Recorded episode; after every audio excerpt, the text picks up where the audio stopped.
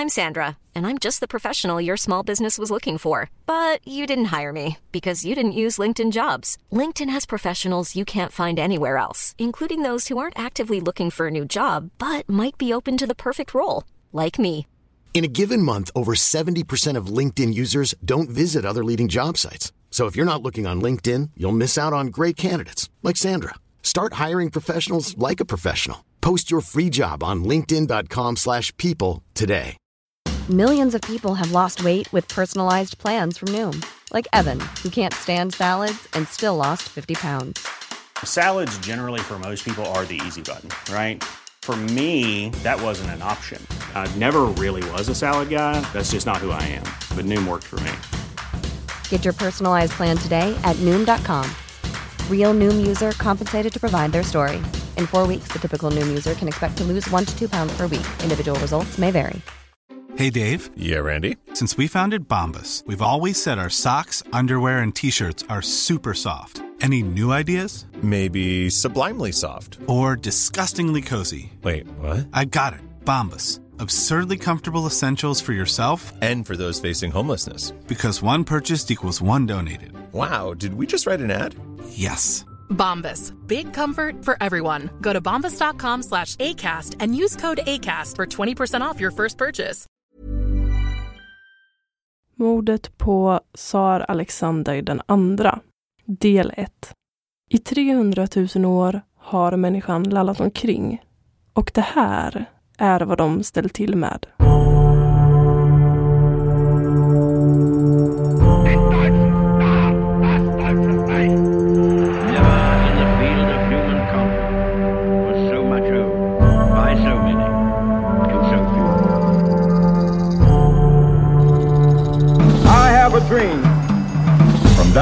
Texas, the flash, apparently official, President Kennedy died at 1 p.m. Central Standard Time. It's one small step for man, one giant leap for mankind. Statsminister Olof Palme är död. På eftermiddag, World Trade Center i New York brinner. Nu blir det historia med Dan Hörning och Cornelia Boberg. Med det välkomnar vi er till dagens avsnitt som ska handla om Rysslands och Romanov-dynastins näst näst sista tsar, Alexander den andra. Tsarerna sedan Romanov ätten besteg tronen 1613 har genom åren kommit och gått, samt gått olika livsöden till mötes. Vissa har mördats, eller många har mördats, och flera har dött en naturlig död. Under sina år som tsar iscensatte Alexander några av den ryska historiens absolut största reformer. Reformer som gav honom namnet Alexander befriaren.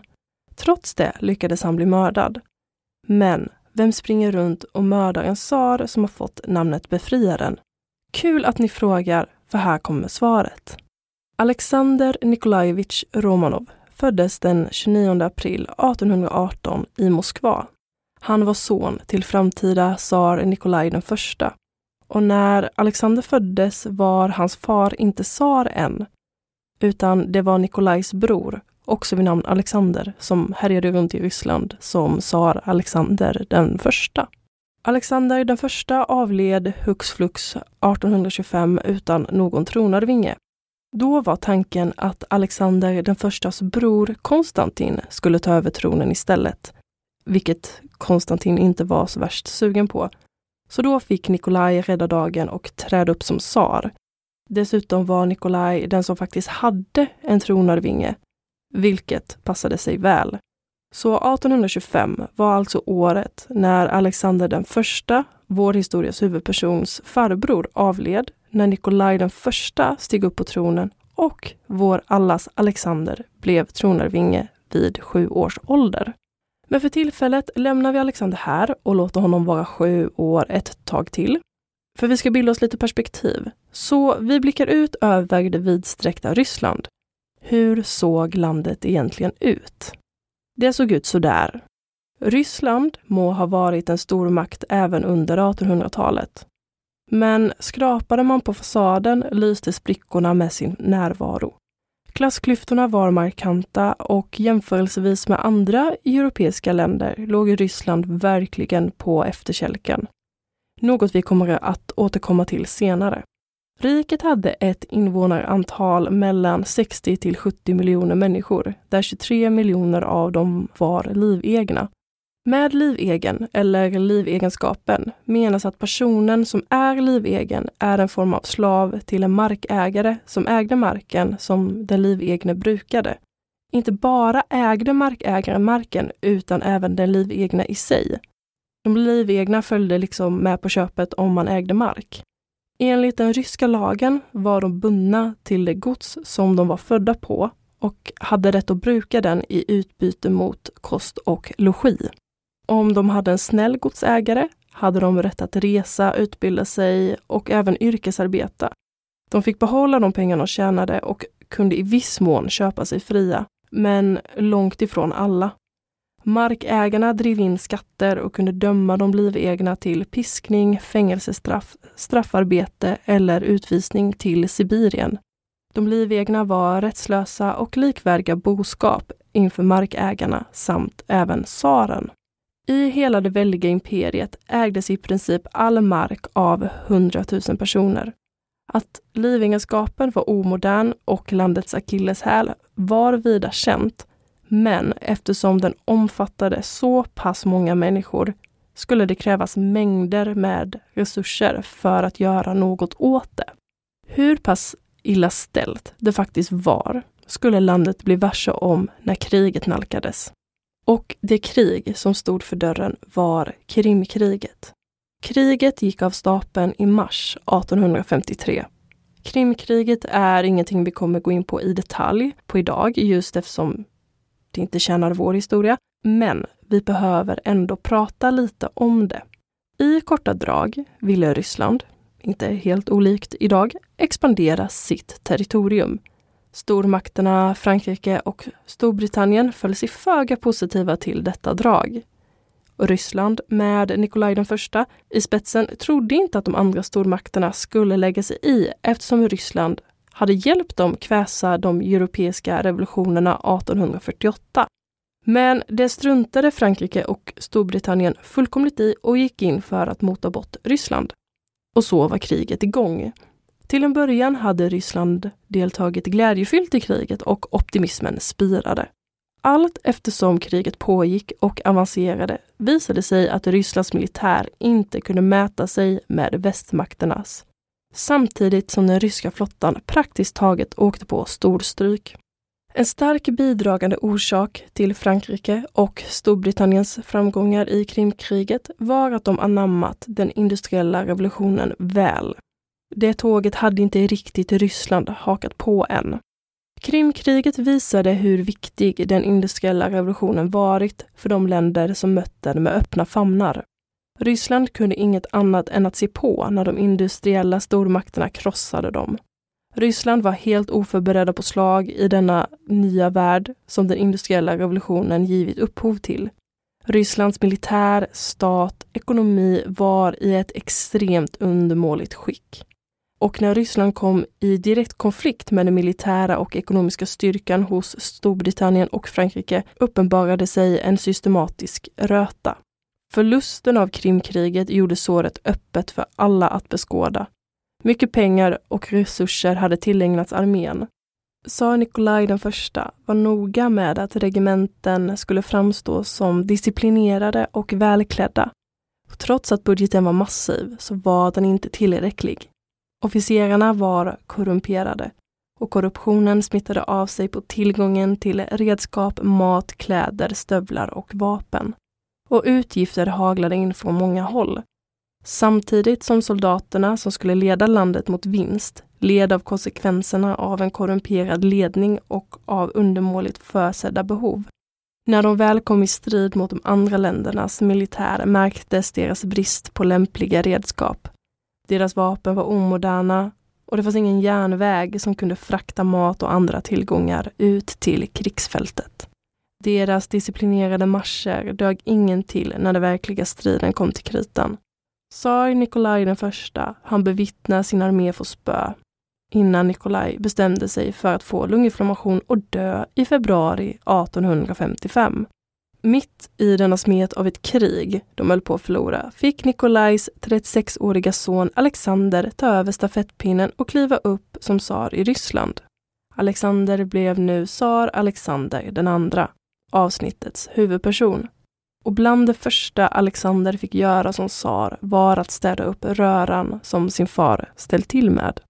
Alltså Krimkriget som gick åt skogen. När kriget avslutades i februari 1856 fick den ryska militären återvända med mössan i handen. Med krigets förluster expanderades känslan av att landet behövde bli mer modernt. En modern armé var nödvändig och någon reform för hur landet styrdes behövdes. Vilket hade varit en känsla som många inom den styrande hade känt under längre tid. Men i och med förlusten av Krimkriget fick de det bekräftat svart på vitt. Landets ekonomi kunde inte längre baseras på slaveri. Alexander var inte helt verklighetsfrånvänd utan han delade mycket av sina statsmäns visioner. Men behovet av förändring började nästan bli desperat. Ryssland behövde göra något för att kunna mäta sig med de andra västerländska stormakterna det blev dags att göra något åt livegenskapen.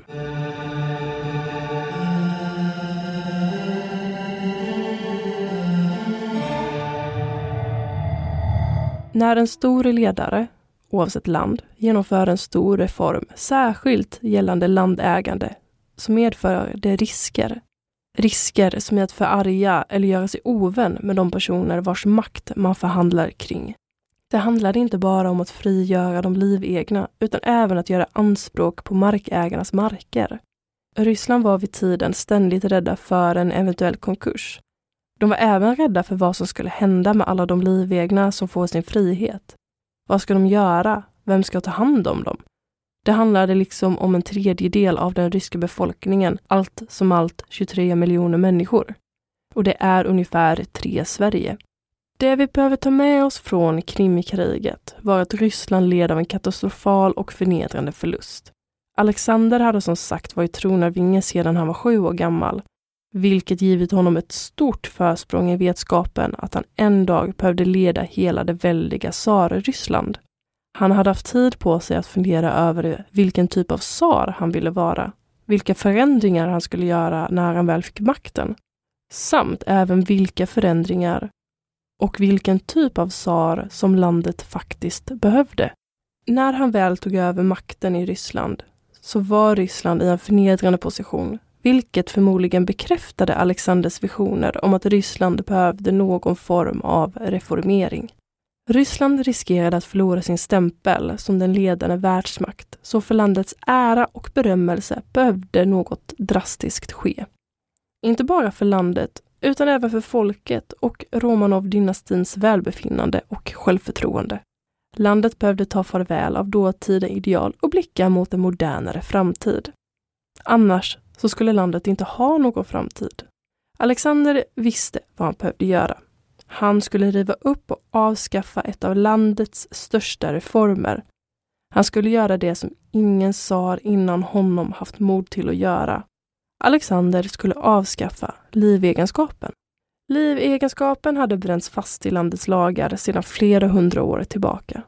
Flertalet ministrar och andra högt uppsatta personer hade genom åren givit indikationer på att avskaffa livegenskapen.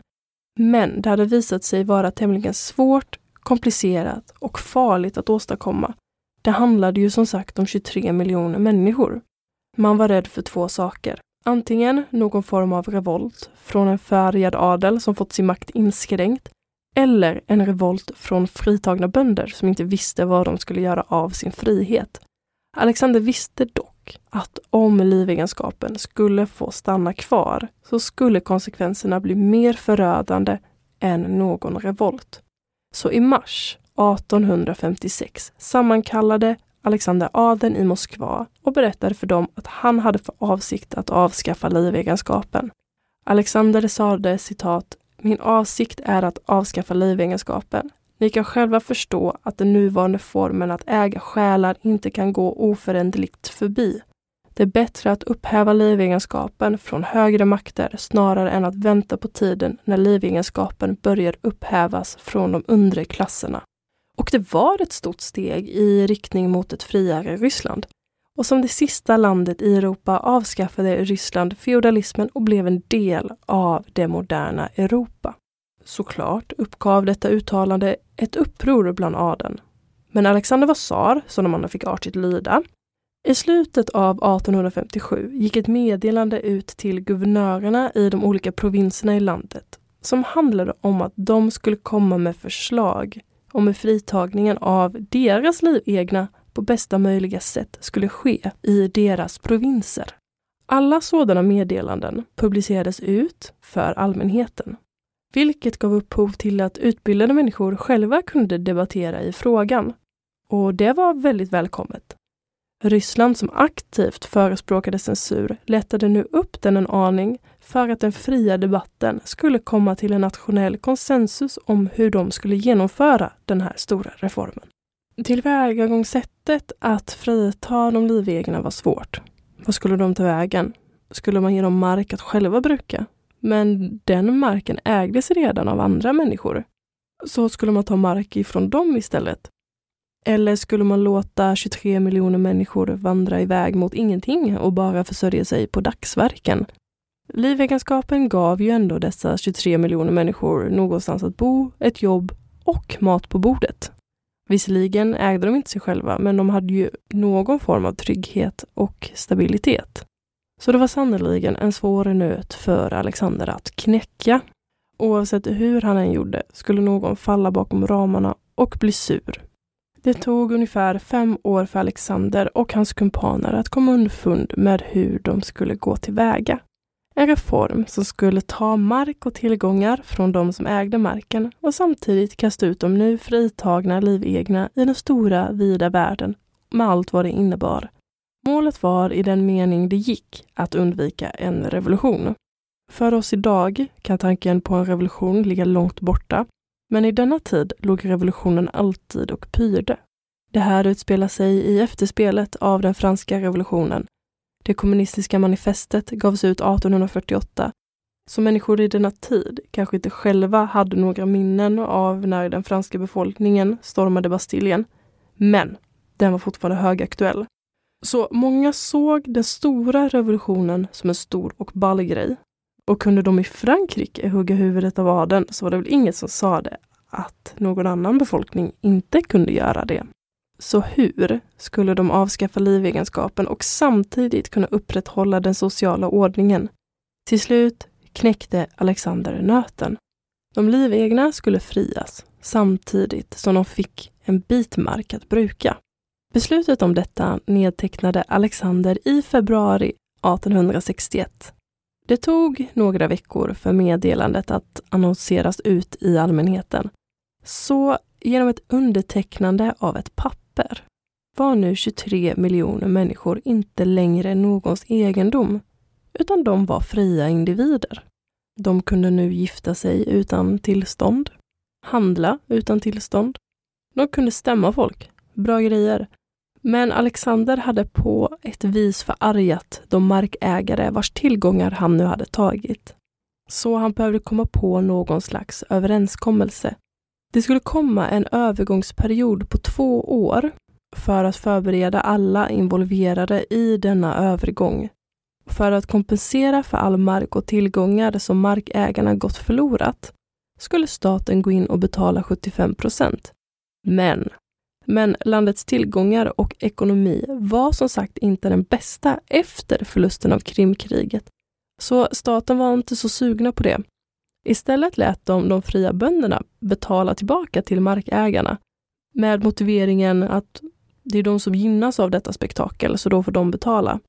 När livegenskapen avskaffades fick bönderna egen jord att bruka som fria människor. Problemet var att den mark de fick var 13 procent mindre än den som de tidigare hade brukat. I södra Ryssland kunde bönder få lämna upp till hälften av den jord som de tidigare brukat. Resten behöll adeln Bönderna, som varit livegna, hade inte själva några pengar eftersom att de hade varit slavar hela livet. Och därmed kunde de inte köpa loss någon jord. Så istället så brukade bönderna jorden i ett kollektiv. All jord tillhörde en by där alla hade rätt till jorden. Det att bönderna dock fick var betalningsförbindelser med staten där den brukade jorden skulle betalas tillbaka inom 49 år. Alternativt att de livegna endast skulle behålla en fjärdedel av jorden utan ersättningsskyldighet. Vi har alltså inte längre en livegen samhällsgrupp, men klassklyftorna var fortfarande markanta. Men Alexander menade ju väl i alla fall. Alexander slutade inte där med sina reformer. 1864 inrättades en slags lokal representation kallad Sämstvås. De var menade att ansvara för vägar, kyrkor, hus, motverka fattigdom, främja handel och industri. Man kan se det som ett typ av landsting. Tsaren och regeringen hade däremot makt att avslå Semstvos lagförslag.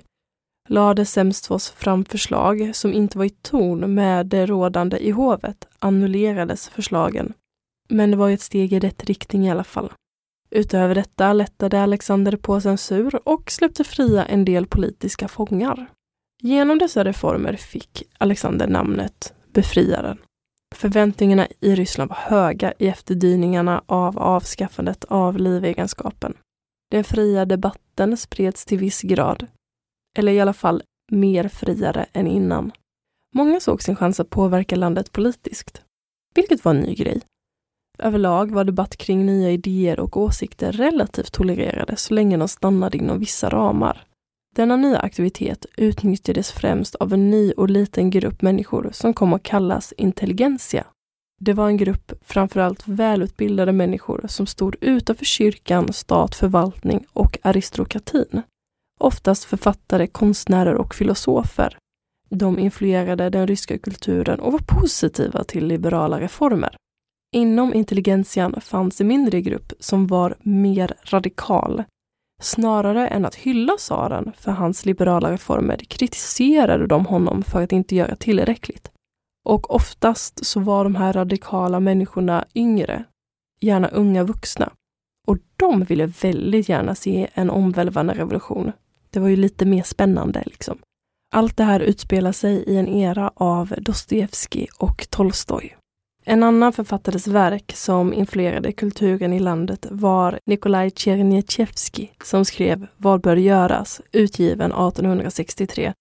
Romanen handlar om huvudpersonen Vera som flyr från sin överkontrollerade familj och ett arrangerat äktenskap i ett försök att bli ekonomiskt oberoende. Överlag främjade romanen idén att det var den intellektuelles plikt att utbilda sig och leda arbetsmassorna i Ryssland längs en väg mot socialism från kapitalism. Många kända namn som Vladimir Lenin, Peter Kropotkin, Rosa Luxemburg och August Strindberg tedde sig ytterst imponerade av romanen. Nikolaj skrev romanen när han satt fängslad i Peter Paul-fästningen i Sankt Petersburg. På något mirakulöst vis publicerades boken och efter det tog det fart och influerade massorna. Och vi kommer också snart få ta del av när de intellektuella gick ut till massorna för att leda dem. Men som sagt, Nikolajs roman inspirerade och influerade mängder av människor. En person som romanen möjligtvis kunnat inspirera var Dmitrij Karakosov. Dmitrij föddes 1848 in till en mindre rysk adelsfamilj. Istället för att bli en del av familjen växte Dmitrij upp till att hata den klass han fötts in i.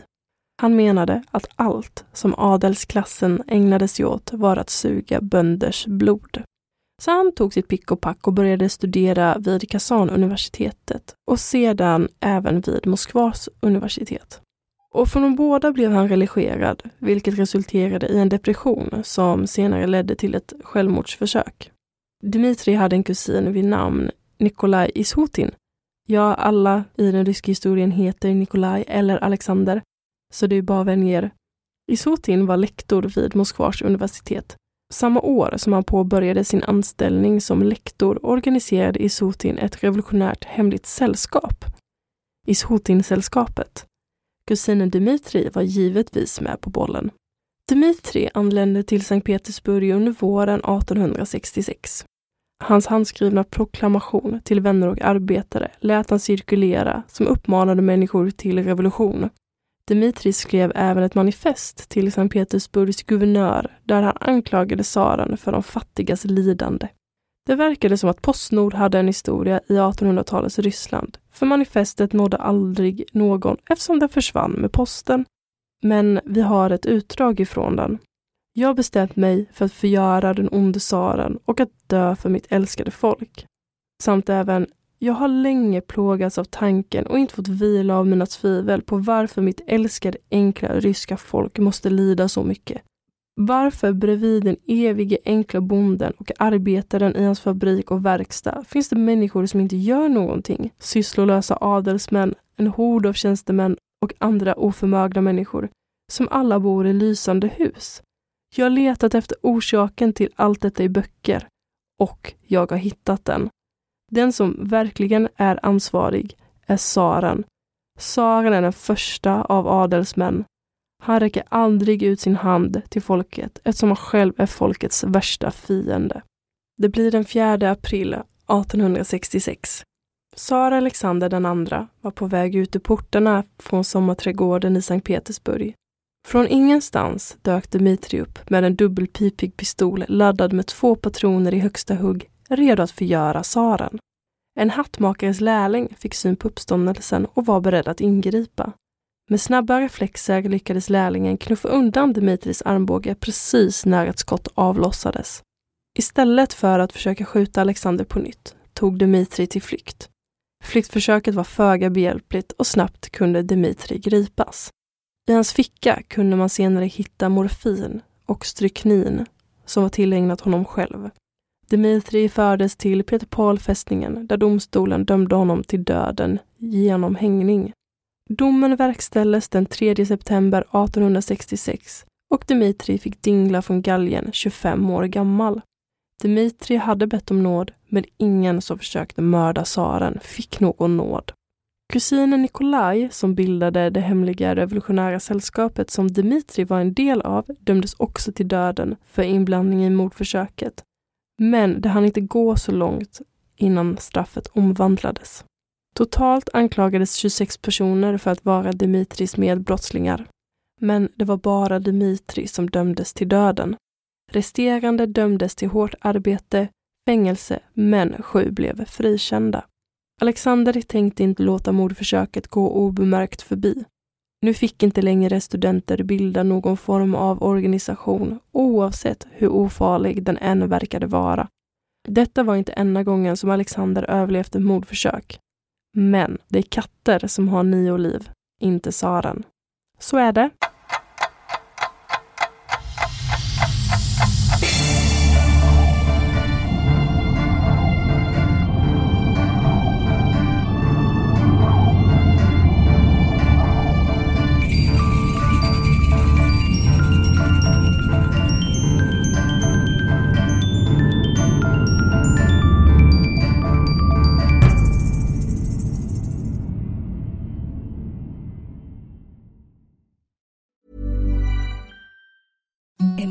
Softest sheets you've ever felt. Now imagine them getting even softer over time. That's what you'll feel with Bowl and Branch's organic cotton sheets. In a recent customer survey, 96% replied that Bowl and Branch sheets get softer with every wash. Start getting your best night's sleep in these sheets that get softer and softer for years to come. Try their sheets with a 30-night guarantee. Plus, get 15% off your first order at bowlandbranch.com. Code BUTTERY. Exclusions apply. See site for details.